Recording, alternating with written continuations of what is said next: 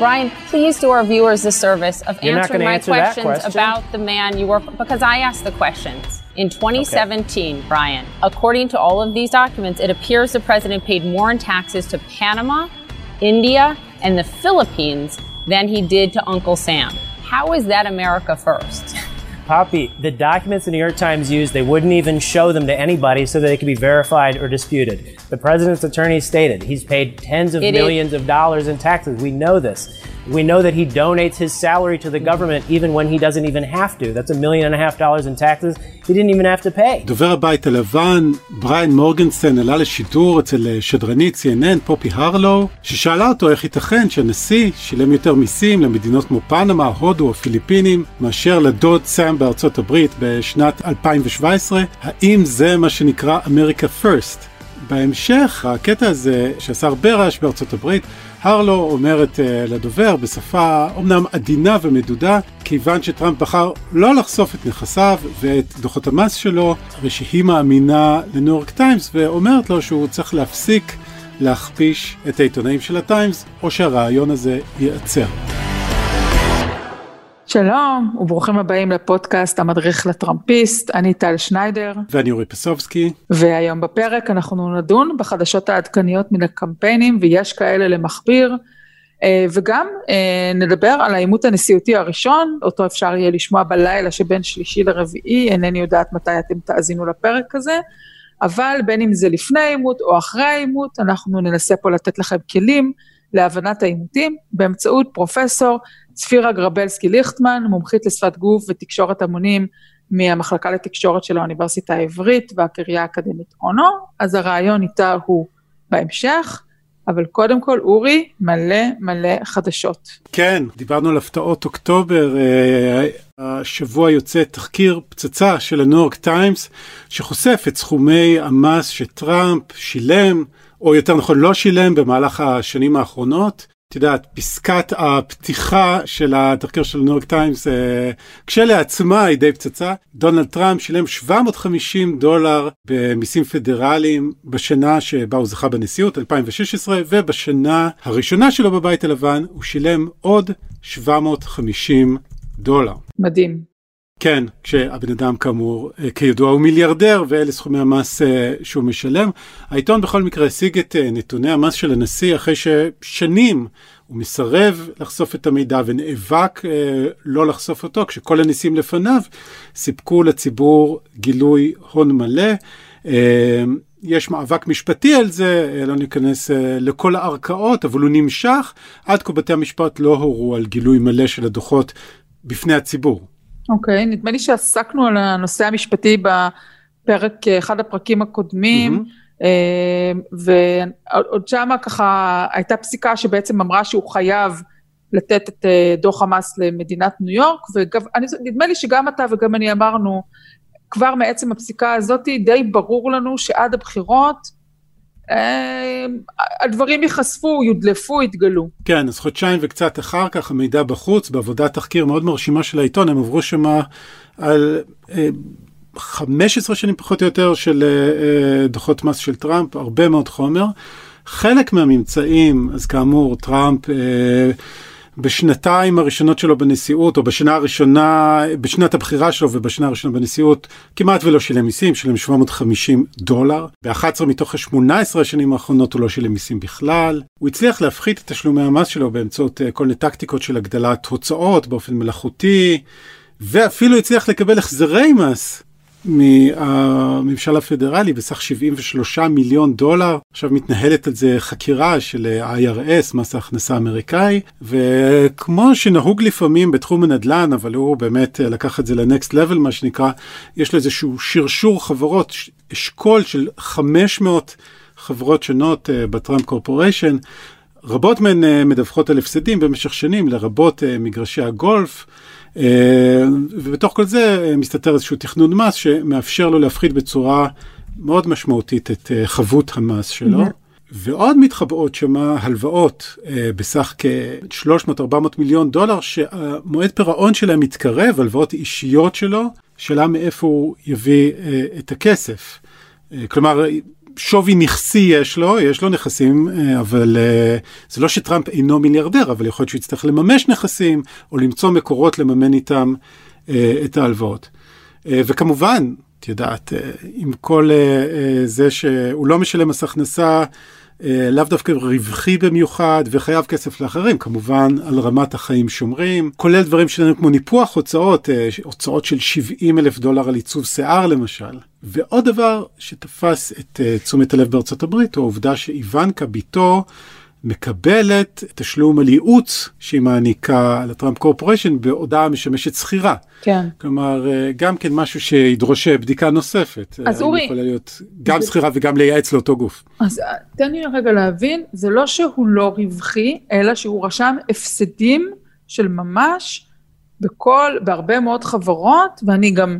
מנסה להבין מאן הולכים לכאן עם כל המידע הזה, האם יש פה פתאום תדמית חדשה של האיש? תראי, זה...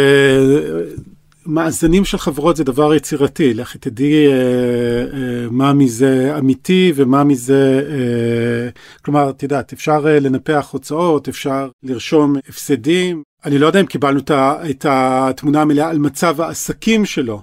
Mm-hmm. כן יש תדהמה כוללת מסכום המס הנמוך שהוא משלם. את יודעת, זה מצד אחד אפשר להסתכל על זה כהצלחה. תכנון מס מוצלח שמאפשר לו לשלם פחות מיסים, אבל uh, הצד השני של המטבע זה שהוא מתחמק כן. uh, מתשלום מיסים. אה, זה משהו שהדמוקרטים אה, כבר פתחו עליו בקמפיין די מסיבי, כל האנשים מארצות הברית, מרחבי ארצות הברית מעלים את uh, סכומי המס שהם משלמים, מורה משלם uh, 7,000 דולר במס הכנסה פדרלית, אחות משלמת 10,000 דולר וטראמפ משלם 750 דולר.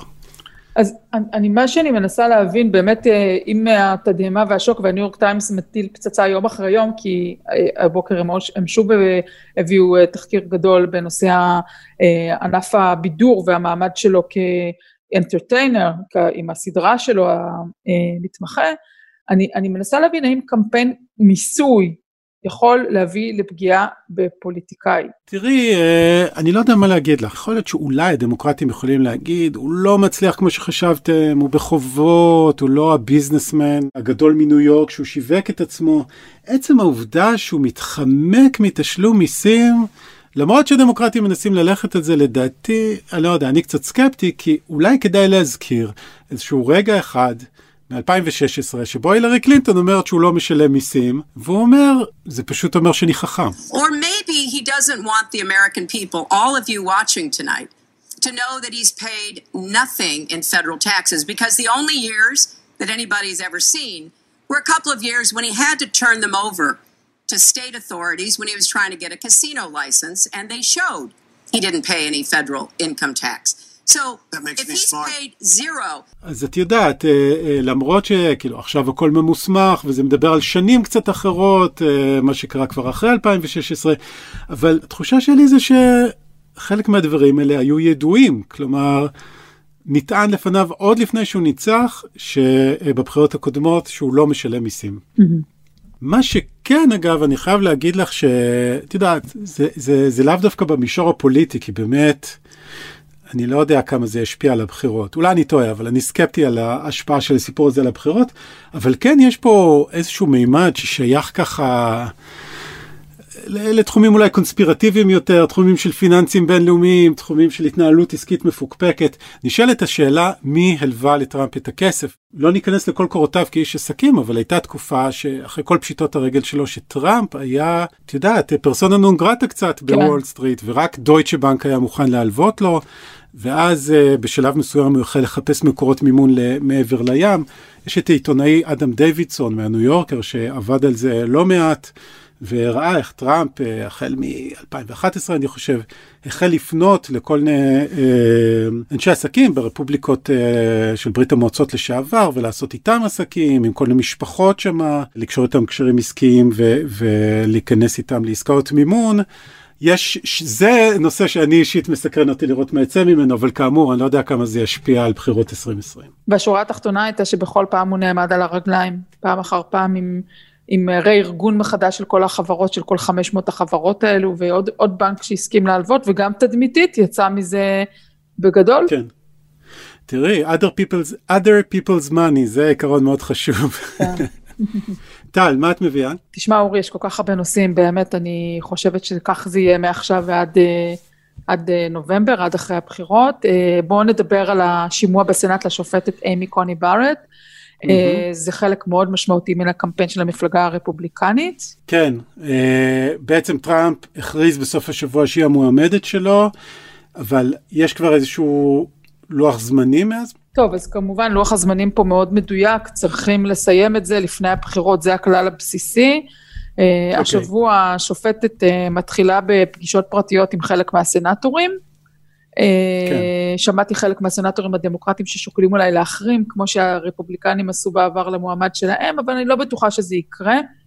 מי שמסתכל עליה וראה אותה באירוע עם טראמפ, ובכלל שומע את כלי התקשורת בארצות הברית מדברים עליה, היא כנראה כוכבת, אישה מבריקה ונראית גם מאוד נעימה, אז קשה אולי להפוך אותה למפלצת, זו ההתרשמות שלי.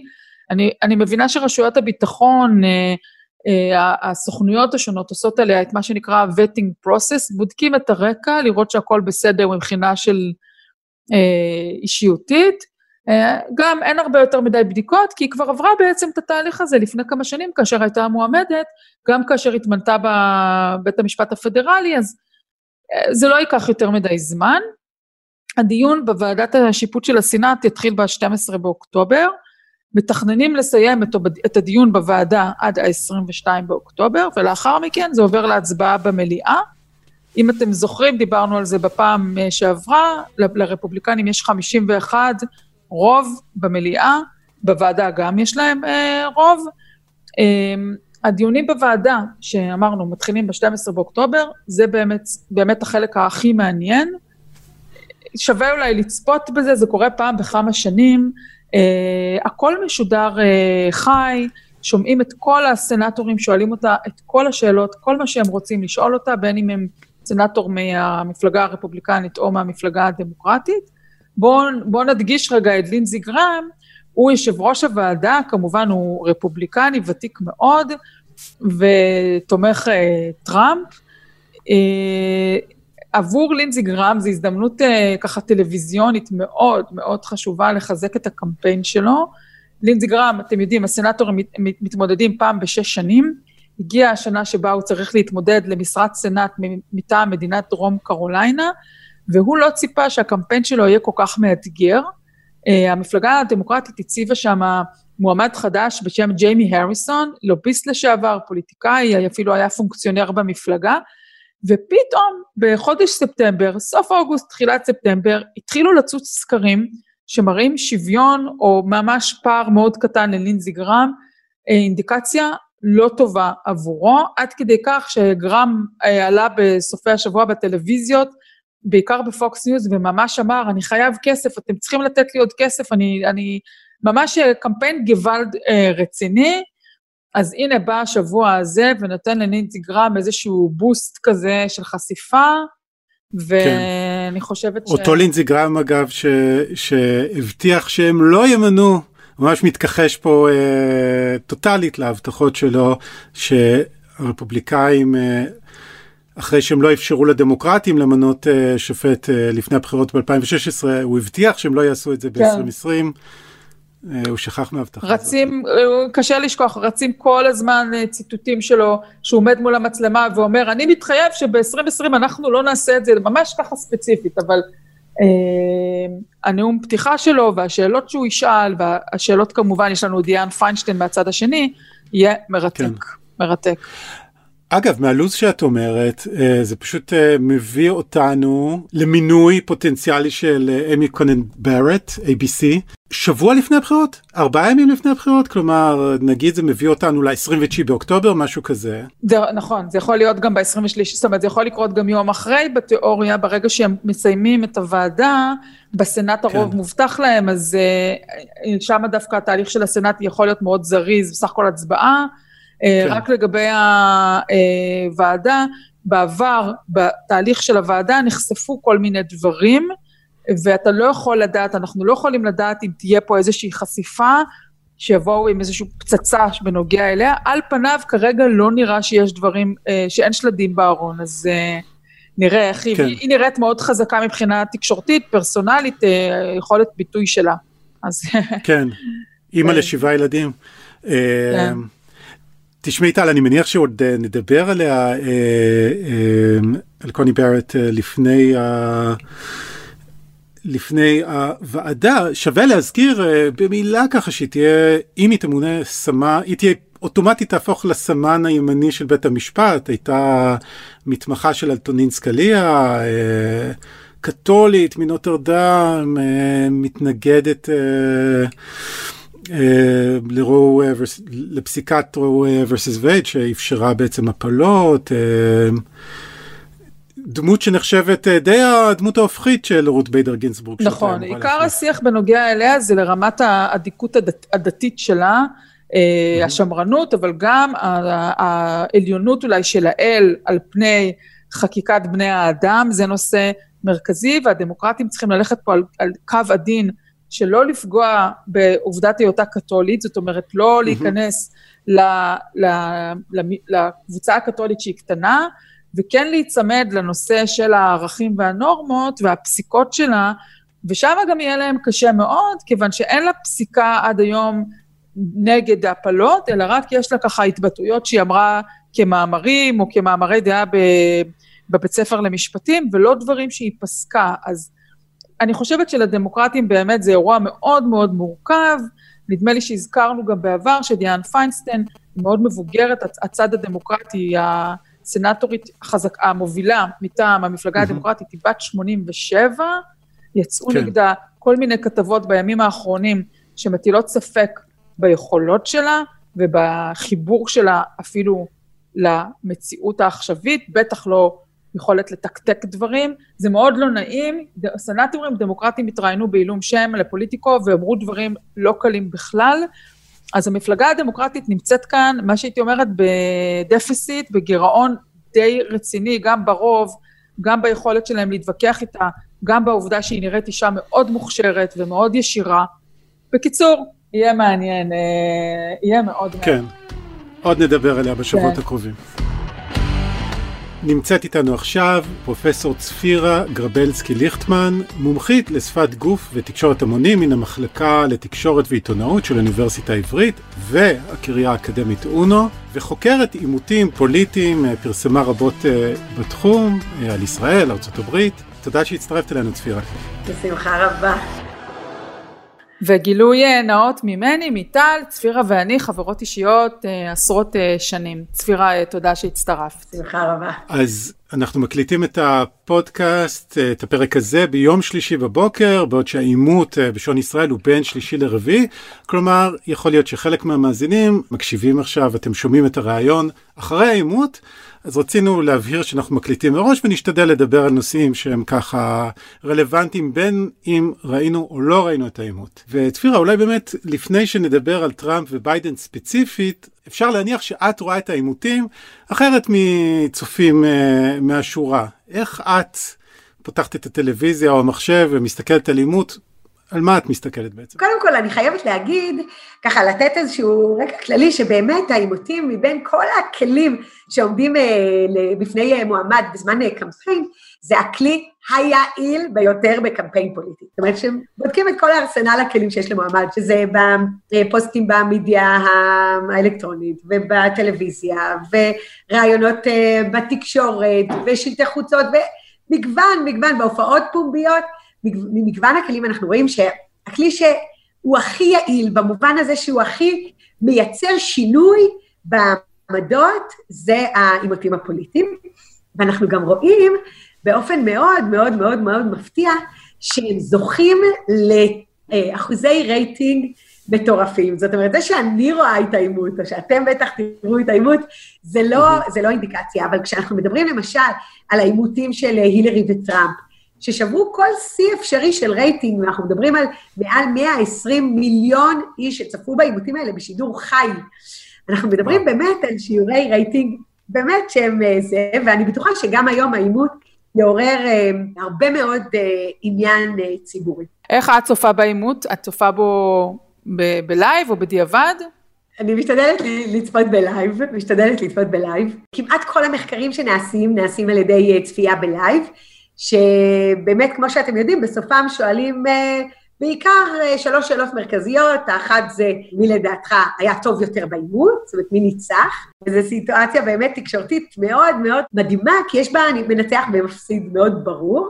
שאלה שנייה זה מה היו העמדות שלך לפני העימות, ושאלה שלישית, האם בעקבות העימות יש איזשהו שינוי בעמדות. עכשיו, אנחנו יודעים שבעיקר העימות משפיע על הקולות הצפים, על אנשים שהם לא מאוד מאוד מאוד איתנים בדעתם, זאת אומרת, אנשים שהם מאוד רפובליקנים, מאוד דמוקרטיים, העימות לא היה יגרום להם לעבור צעד, אבל כן על הקולות הצפים, שבסוף הם אלה גם שמכריעים את הבחירות, העימותים בהחלט מייצרים uh, השפעה. ועוד יותר מעניין, וכאן נכנסת המומחיות שלי, שכשבודקים מה השפיע יותר, בצורה לא מודעת, מה השפיע יותר על אנשים ששינו את דעתם בעקבות העימות, האם זה התוכן, המסרים המילוליים של מה המועמד אמר, או שפת הגוף, איך הוא אמר את זה, כל הפרמטרים שתכף נדבר עליהם בהקשר של תקשורת לא מילולית, שפת הגוף, אנחנו רואים ששפת הגוף היא זאת שמכריעה עימותים פוליטיים. אז שנייה לפני שנדבר על שפת הגוף, את אומרת שבמחקרים אה, בודקים בסוף העימות, אה, מבקשים מאנשים להכריע מי ניצח. את חושבת באמת שאפשר לדעת ממש בסוף העימות מי ניצח, או שלפעמים רק אחרי כמה ימים הדברים שוקעים ומבינים מי באמת רשם שם את הניצחון? כדי לדבר על, אה, על ההשפעה כמה שיותר נטו על ההתנהגות עצמה, אז הבדיקה מיד אחרי העימות היא הכי מהימנה, כי אחר כך כבר הדעה יכולה להיות מושפעת מכל מיני מעצבי דעת קהל, כמוכם, כמו עיתונאים או כמו אנשים אחרים, שנותנים פרשנות, ואז באמת משנים את האופן שבו, אז יכול להיות שבשנייה הראשונה התחושה שלי הייתה, נניח שטראמפ היה טוב יותר, אבל אז שמעתי פרשן, שמעתי עיתונאי בכיר, שמעתי אולי מועמדים נוספים, שיח בתקשורת, אגב, זה יכול להיות גם ברשתות החברתיות, שהלכו, כן. וזה באמת אה, שינה את האופן שבו אני תופס, אבל אז זה כבר לא נטו מה שראיתי בעימות, אלא על הדברים ששמעתי בתקשורת, ואם אנחנו רוצים לבדוק נטו, mm-hmm. אגב, מה שעושים מחקרים זה ממש מבודדים אה, צופים, זאת אומרת, הסקרים שאני מדברת עליהם זה סקרים של אה, מאות, לפעמים אלפים, שבודדו, זאת אומרת, שראו את זה אפילו לא בחברת המשפחה, כדי שלא יהיה מי שפתאום אבא שלי אומר לי, או אח שלי אומר לי, או בן זוג שלי אומר לי, וזה משפיע, כן. אלא נטו איך אני תפסתי את מה שראיתי, והאם זה הצליח אה, להשפיע על, ה, על העמדה שלי לקראת הבחירות הקרבות. אז בעצם אמרנו שאנחנו הקלטנו את הרעיון איתך לפני העימות, אבל יכול להיות שחלק מהמאזינים שלנו ישמעו את זה אחרי העימות. אז בואי תגידי לנו ככה, מה את חושבת לגבי הנוכחות הפיזית, המילולית, וכמו שאת אומרת, התת מודע, או הנוכחות של תנועות הגוף, של כל אחד משני המועמדים על הבמה, ההבדלים ביניהם, בין ביידן לטראמפ, בסגנון שלהם. אז באמת, כשאנחנו מסתכלים על התקשורת הלא מילולית, אנחנו מסתכלים בעצם על ארבעה פרמטרים. אנחנו מסתכלים על ה... זה נקרא קינסיקה בשפה המקצועית, זה כל הנושא של תנועות ידיים, תנועות ראש, הבעות פנים, שאנחנו יודעים שיש להם חשיבות דרמטית בהכרעה של עימותים פוליטיים. הרבה מאוד ממה שקהל מחפש בעימותים פוליטיים זה מה שנקרא התקשורת הרגשית. עד כמה הוא מצליח לדבר אליי, להתחבר אליי ברמה הרגשית. כל מה שקשור בתקשורת רגשית, בעיקר בעיקר מיוחס להבעות הפנים. ולא סתם מועמדים ממש מתאמנים על הבעות הפנים. זכור במיוחד העימות של הילרי וטראמפ, שהילרי בדיעבד מספרת בספר שלה איך ממש אימנו אותה לחייך. בעימות, שכשאנחנו ספרנו, היא חייכה עשרות פעמים, חיוך גדול, אה, מלא שיניים, חיוך ככה מאוד מאוד מאוד רחב, כדי לייצר משהו אופטימי וגם קצת יותר מרוכך, כי התדמית עליה הייתה שהיא מאוד קרה ופחות אה, נגישה מבחינה רגשית. אגב, אנשים דיווחו שזה ממש אה, שינה להם תפיסות לגביה, וגרם לה לראות קצת יותר אה, אנושית וחמה ואופטימית ואפילו נעימה ו- ו- וחברותית.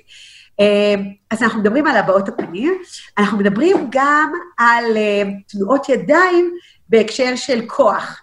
זאת אומרת, האם הוא מייצר תנועות שיש בהן סמכות, כמו תנועות חיתוך או כמו תנועות אגרוף, או שהוא מייצר תנועות יותר מעוגלות ו- ורכות, שממש הצופה מחפש בצורה לא מודעת לבנות יחסי כוח. בעצם זו הזדמנות ראשונה, ואגב גם מאוד נדירה, לראות את שני המועמדים באותו הפריים.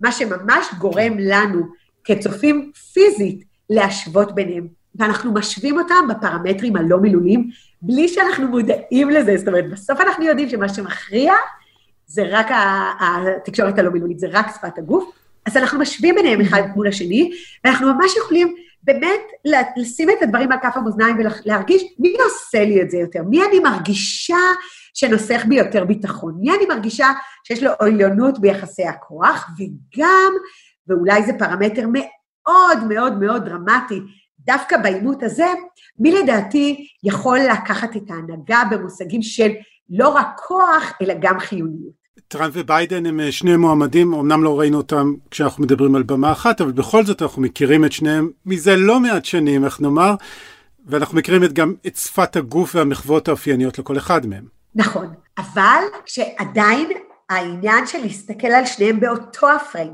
בדיוק באותה סיטואציה, ולראות איך כל אחד מהם מסוגל, האם ואיך ועד כמה כל אחד מהם מסוגל לעמוד במצבי לחץ ומתח. האם ואיך כל אחד מהם משדר כריזמה, משדר כוח וגם משדר חיוניות. ולמה אני דווקא כל כך מדגישה את החיוניות? כי דווקא בעימות הזה מדובר בשני מועמדים מאוד מבוגרים. ואם נחזור לעימות המפורסם, כן. הראשון, הטלוויזיוני של קנדי וניקסון, שבדיוק היום אנחנו מציינים 60 שנה לעימות הראשון, אז המושג הזה של חיוניות בזמנו היה בעוכריו של ניקסון. כבר אתמול טראמפ צייץ שהוא רוצה לעשות בדיקת סמים כדי לוודא שלא יודעת אם ראיתם את זה. ביידן לא לקח חומרי המרצה. אז בוא, בואי נדבר שנייה על הבדיקה הזאת, כי הרי בעצם היא מקפלת את הטענה שביידן לא כשיר מנטלית להיות נשיא, ויש קמפיין שלם על זה של טראמפ, וגם מגוון אה, חשבונות ותומכים שונים שמריצים את הטענה הזאת, ועכשיו הוא אומר, אפשר להבין את זה כמין אמירה שגם אם ביידן יצא טוב בעימות, אז זה עדיין לא בסדר, והוא לא באמת ניצח, כי הוא לקח, אה, כנראה לקח סמים, אחרת זה לא אפשרי. יכול להיות שטראמפ מבין שהוא קצת הניח רף נמוך מדי עבור ביידן? בדיוק. אז קודם כל, באמת, הוא כבר מכין לעצמו את הסיבות לכישלון. זאת אומרת, אם יגידו שביידן היה יותר טוב, אז הוא יגיד, הוא לקח חומרי המרצה. ושים לב גם, שימו לב גם, שבאמת, המבחן כאן יהיה מבחן של אה, אה, לא רק חיוניות, אלא גם באמת אה, יכולת מנטלית, שזה דברים שפחות עולים כשאנחנו מדברים על מועמדים צעירים. וכאן למשל, אז אמרנו, מלבד קינסיקה, שזה פרמטר אחד, פרמטר שני זה הנושא של ההיבטים הפארה-מילוליים. שזה העניין של השטף והרצף.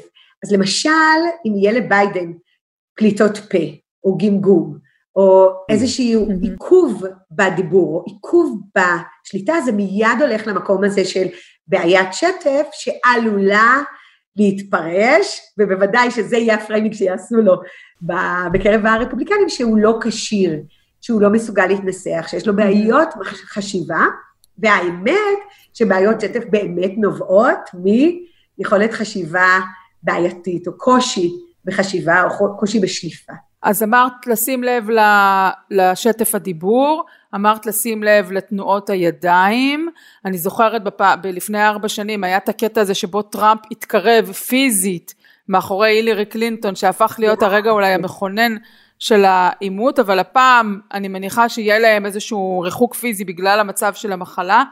אז את יודעת איזה עוד דברים צריך לשים לב בזמנו, אני לא יודעת אם צופים יכולים לראות, אבל את הראית לי פעם את, את הוורידים בצוואר כשמישהו מתאמץ, או את אה, נשיכת הלשון כשאתה משקר. איזה דברים את ככה אומרת, תסתכלו על, ה, על ההתנהגות. אז באמת העלית פה המון נקודות שאני אנסה ככה להתייחס אליהן בצורה... הנקודה הראשונה שהעלית זה באמת הנושא של ה... באמת הקול. מאוד בלט בעימות של הילרי ו- וטראמפ, ומעניין איך זה יבוא לידי ביטוי הפעם, זה הנושא של הקטיעות. מי קוטע את מי וכמה כל אחד קוטע את השני. אנחנו מדברים אז בזמנו בעימות של טראמפ, שהוא קטע אותה בערך, אה, זאת אומרת, עשרות פעמים, ב- לפעמים אפילו ב- בדקה. זאת אומרת, ממש כל שתי מילים הוא נכנס לדברים שלה עם איזושהי הערה, או איזשהו קול, או איזושהי קטיעה, כדי אה, ככה להפריע לסדר, אז בתוך ההיבטים הפארה-מילוליים אנחנו מסתכלים גם על הקטיעות וגם על הווליום, מי מדבר יותר חזק, מי מדבר יותר אה, חלש, וגם על השטף, המרכיב השלישי בתקשורת הלא מילולית, שזה מה שנקרא פרוקסמיקה, שזה תורת המרחקים. עד כמה אנחנו קרובים או רחוקים אחד מהשני, ומה זה אומר על האינטראקציה. וכאן אני באמת רוצה דווקא להסב את תשומת לבך, אורי, למה שאמרת קודם, הרי אנחנו מכירים את המועמדים, אבל כל אחד מהם מחפש, והוא ישלוף היום איזשהו שפן מהכובע. למשל, בעימות הקודם, ההתנהגות הזאת של טראמפ, שהוא הלך לקראת הילרי ועמד מאחוריה בזמן שהיא מדברת, היה באמת תקדים שאף פעם לא ראינו אף מועמד ever עושה משהו כזה. אני בטוחה שגם היום טראמפ מתכנן איזושהי הפתעה בהקשר הלא מילולי לביידן, כן. אולי גם ביידן uh, מייצר הפתעה דומה, אבל כן מחפשים להפתיע, ואני יכולה להגיד גם מידע אישי, שאף אחד אצל הילרי, לא אפילו, מהיועצים, אפילו לא יכול היה לדמיין שטראמפ יעשה כזאת התנהגות, hmm. שהיא כל כך לא מקובלת בנורמות של העימות שהם כל כך מובנים, וזה זה, זה, זה, משהו שלא נוסח אף פעם, כי אף מועמד ever לא עשה דבר כזה, כל אחד נשאר בתחום שלו, לא היה תקדים של מועמד שיוצא מהתחום שלו וממש מייצר איזשהו, איזשהו מעמד של איום. בהקשר הזה, גם כשאנחנו מדברים על תורת המרחקים, אנחנו מדברים על ההשפעה של הגובה. ויש סטטיסטיקות מדהימות של כמעט בכל העימותים בארצות הברית להוציא אולי שניים או שלושה, תמיד המועמד הגבוה יותר ניצח. שפה לטראמפ יש יתרון. בדיוק. לכאורה, מה הקשר בין גובה לבין uh, זה, אבל זה בדיוק העניין הזה, שהעימותים מציבים אותם אחד ליד השני, וברגע שיש אחד שהוא יותר מהשני, אפילו שזה עניין פיזי, גובה, אנחנו יודעים שזה משפיע בצורה לא מודעת על התפיסה שלנו. אנחנו תופסים אותו כמעליו גם בפרמטרים אחרים. אנחנו יודעים כן. על אין סוף מחקרים על הקשר בין גובה למנהיגות, שבהקשר הזה באמת זה יכול לתת לטראמפ נקודות.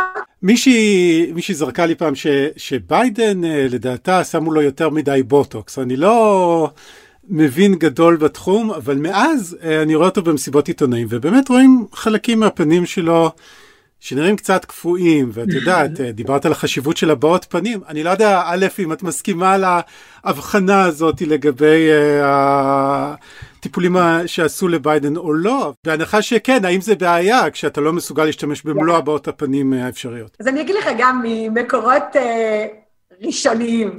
ששני המעמדים עושים כל מיני, אה, איך נקרא לזה, סיוע פלסטי ברמה זו או אחרת, גם טראמפ. אני כן חייבת להגיד שבאמת הבוטוקס משפיע על ההבעה, מקטין את יכולת ההבעה, יכול להיות שלקראת העימות אולי הם אה, יורידו את המינונים. אין ספק שכל סיוע כזה פלסטי, הוא מפחית את הבעת הפנים ולכן הוא מכשיל אותנו תקשורתית. מצד שני, אני חייבת להגיד שהטלוויזיה מאוד מאוד מאוד אה, רגישה לכל קמת או לכל הבאה, זאת אומרת, וכאן באמת הבלנס הוא מאוד מאוד מורכב, אני יכולה להגיד גם בארץ שכמעט אין פוליטיקאי שלא עושה איזושהי התערבות אה, כירורג במידה מסוימת, פלסטית, כדי להיראות טוב יותר, מצד אחד לייצר את, ההד... את, ה... את ההבעה, ומצד שני להיראות טוב, לעבור טוב מסך. זה באמת מתח שבאמת השנים החדשות וה... והאפשרויות החדשות הפלסטיות אה, מייצרות, אתה מאוד מאוד מאוד צודק. אני רוצה בכל זאת עוד להתייחס לשני דברים שטל העלתה. אחד זה באמת הנושא של האמינות, של הצופים מחפשים מה שנקרא דליפות בהקשרים של האם הוא אומר את האמת, או שהוא משקר, או שהוא מסתיר מידע, או שיש פה עניין של איזושהי הונאה או הטעיה, ואנחנו מאוד מאוד רגישים, כולנו, גם, גם לא, לא צריך להיות פרופסור לשפת גוף כדי להיות רגיש לזה. כולנו מאוד מאוד רגישים לדליפות כאלה mm-hmm. של אמינות. איך מזהים מישהו שהוא משקר? אז אנחנו מאוד רגישים לכל השפלת מבט. אנחנו רגישים מאוד לכל התגרדות, אנחנו רגישים מאוד לכל תזוזה של חוסר נוחות. זאת אומרת, אם הוא יגיד שאני מרגיש בטוח, אבל הוא ישדר איזושהי, איזשהו חוסר ביטחון בגוף, אם זה בתנועות ידיים, או אם זה בשטף, או אם זה בהבעת פנים, של איזושהי חוסר נוחות, או... אז, אז אנחנו מיד, מיד, אגב, אנחנו רואים את זה, אגב, בכל גיל, אנחנו מאוד מאוד רגישים לאותן אה, דליפות שמעידות על, על אמינות, על ביטחון, על היכולת לסמוך, וגם על היכולת לעמוד במצבי לחץ ומתח. Mm-hmm. אני רוצה גם לייחד באמת איזשהו דיבור על, ה, על התפקיד של המראיין, שאנחנו רואים שיש לו השפעה מאוד דרמטית בעימותים אה, פוליטיים. אני רק אגיד שהפעם זה קריס וואלאס מרשת פוקס ניוז, שראיין את טראמפ בריאיון לא פשוט אה, לפני כארבעה שבועות פחות או יותר, הציב אותו מול די הרבה עובדות, וקריס וואלאס למרות שזה רשת הבית, גם הנושאים שהם קצת בחרו שם הם כן סוג של מרימים לטראמפ להנחתה. אז, אה, אז מה רצית להגיד על קריס וואלאס? קשה לנבא מראש איך הוא יתנהג, אבל אנחנו יודעים ממחקרים על כמה אפקטים של המראיינים, שאגב הם מאוד מאוד מורכבים. זה לא תמיד הולך לאותו כיוון. מצד אחד אנחנו עדים לאפקט שנקרא המקור המהימן, שאומר שהצופים מסתכלים על איך המראיין מתייחס למועמדים השונים כאיזשהו אה, סטנדרט. זאת אומרת, אם הוא מתייחס אליו בהערכה, כנראה שהוא ראוי להערכה, ולכן אולי זה יגרום לנו קצת יותר להקשיב לו בצורה מוערכת. אם הוא מתייחס אליו בזלזול, או בחוסר הערכה, או בחוסר כבוד, אז אולי זה יגרום לנו גם להתייחס אליו באותו האופן, שזה אפקט מאוד מאוד mm-hmm. חזק. מנגד, אנחנו רואים הרבה מאוד, הרבה מאוד, אה, עוד פעם, לא בכל עימות, אבל לפעמים אנחנו עדים לתקשורת מפלה של מראיין, שאנחנו רואים בצורה מאוד מאוד ברורה שהוא נותן בשאלות למועמדים השונים, ואז לפעמים אנחנו דווקא רואים אפקט של אנדרדוג. צפירה, אנחנו נצטרך אה, פה לעצור, כי אפשר הרי לדבר על זה ללא הרף. אה, למעשה אני חושבת שאנחנו נפתח את הפוד יום אחרי ונראה אם צדקת, ניקח את הדברים שאמרת ונחפש לראות איפה, איפה המר, המרצה, הפרופסורית לתקשורת בין אישית קלעה בול ואיפה לא. אז בכל מקרה, בהצלחה לשני המועמדים, ותודה לפרופסור גרבלסקי ליכטמן שהצטרפת אלינו להסביר לנו קצת על שפת הגוף של המתעמתים. להתראות. בהצלחה, ביי ביי. טוב, יאללה, הגענו ל peanuts, החלק הסוגר של הפודקאסט. אורי, קדימה, go. כן, אז טל, אה, המועמדת אה, לסגנית הנשיא, קמאלה האריס, התראיינה אונליין ל-NAACP, הארגון לקידום אה, השחורים בארצות הברית, ותוך כדי הראיון, המראיינת שואלת אותה, מי הראפר האהוב עלייך? זה מה שהיא עונה. And then uh, best rapper alive. Tupac. He's not alive. You said he lives on. But not alive. I know. I keep doing that. you said, listen, West Coast girls think Tupac lives on. I'm with you. I'm with you. So Tupac, keep going. I keep doing that. um, who would I say? I mean, there's so many. אז uh, לפי קמאלה האריס, טופק שקור הוא הראפר uh, החי הטוב ביותר. טוב, נו, so, מה שנקרא? כן, אז תראי, אולי טבעי שהיא תבחר בטופק, שניהם מאוקלנד, קליפורניה, אה, היא טיפה יותר, טיפה, אה, נולדה כמה שנים לפני טופק, קמאלה. הבעיה היא שלהבדיל ממנה, טופק שקור מת כבר יותר משני עשורים, הוא נרצח בספטמבר 1996. אופסי. כן, כן, אה, גם אה, אה, המראיינת אנג'לה ריי מגיבה מהר ומזכירה לה שהיא שאלה אותה על הראפר הטוב ביותר החי. את יודעת, זה מה שקורה שמועמדת פוליטית שלא כל כך מבינה בפופקולט שרוצה לצאת קולית, בכל מקרה, את יודעת, האריס מתקנת את עצמה. כן, ואנג'לה ריי נותנת לה שם ככה way out, אומרת, את יודעת, יש קונספירציות על הרצח של אה, טופק, ויש כאלה שמאמינות אה, שהוא עדיין בחיים. יפה, נו, אז איך אה, בעצם, איך, איך, איך יצא לדעתך? זאת אומרת, מזייפת לא מגניבות לא או לא מזייפת מגניבות? כן, כן, ביקשה, מבקשת ממנה לנקוב בשם של מישהו שעדיין איתה, אני אומרת, יש כל כך הרבה, היא לא יכולה לבחור.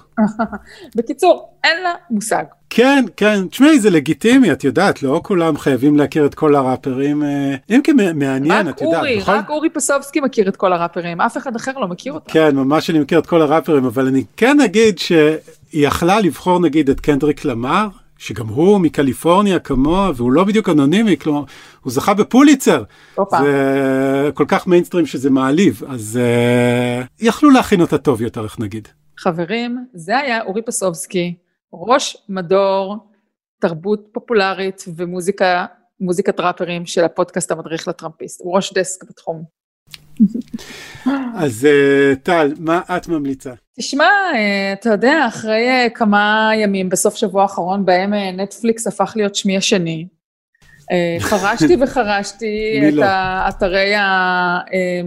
את אתרי הצפייה מכל הכיוונים, וגיליתי שיש סדרת דוקו על נושא ההצבעות בארצות הברית, שממש הולכת ככה מבחינת אתה יודע, אחורה בזמן, אבל גם עכשווית, ומסתכלת על הסיפור הזה של דיכוי ההצבעה, והכל דיכוי ההצבעה והטופסולוגיות, זה נשמע תמיד נורא מדכדך ולא מובן, אבל זה נורא חשוב להבין שכל הסיפורים של איך מצביעים ואיך עושים את זה טכנית, הם יורדים לשורשי הנושא של שח... יחסי שחורים לבנים בארצות הברית, הם התחילו במאה ה-19, לסדרה קוראים, ב- בעברית קוראים לה מקרוב, כל קול קובע, בסימן okay. אוקיי. שאלה, ואני ממליצה, אני חושבת אה, שלושה פרקים, עושים סדר בנושאי רוחב, מראיינים אנשים ומסבירים, ואורי, אתה יודע, זה תזמון נכון, יש לנו עוד כמה חגים פה בפתח, זה הזמן כן. עכשיו, מי שרוצה ומתעניין, זה הזמן להבין את השטח הזה, את הקרקע של, של דיכוי ההצבעה ושל תהליכי ההצבעה בארצות הברית, כי אנחנו באמת ארבעה וחצי שבועות לפני. השכלה, קלה באמצעות הנטפליקס, ממליצה לכולם לצפות. רשמנו. זה היה המדריך לטראמפיסט, לקראת העימות וקצת אחרי העימות, תודה שהאזנתם, אני ממליצה, אם אתם שומעים את הפודקאסט הזה עד עוד ביום שלישי, ה-29 בספטמבר, אנא הצטרפו אלינו בלילה. בשעה 4 לפנות בוקר לקבוצה המדריך לטראמפיסט. אני טל שניידר, אני אפתח שמה וואץ' פארטי לטובת כולנו, נוכל לצפות בעימות בשידור חי. אם שמעתם את הפרק אחרי העימות, אתם גם יכולים עדיין להצטרף לקבוצה, יש לנו עוד כמה עימותים, אנחנו נעשה את זה, תמיד נפתח שרשור של דעתנו ואמירותינו ביחס לעימות, כל אחד יכול לדבר שמה ולראות את העימות ביחד. בכל מקרה, הקבוצה מעניינת גם בלי צפייה לילית בעימותים. ואת הפרק הזה אנחנו מפרסמים גם באפליקציות ההאזנה בכל המקומות, אפל, ספוטיפיי, וכמובן באתר גלובס. תודה לעורך הפודקאסטים רון טוביה, אני טל שניידר. אני אורי פסובסקי. May the best man win. ביי.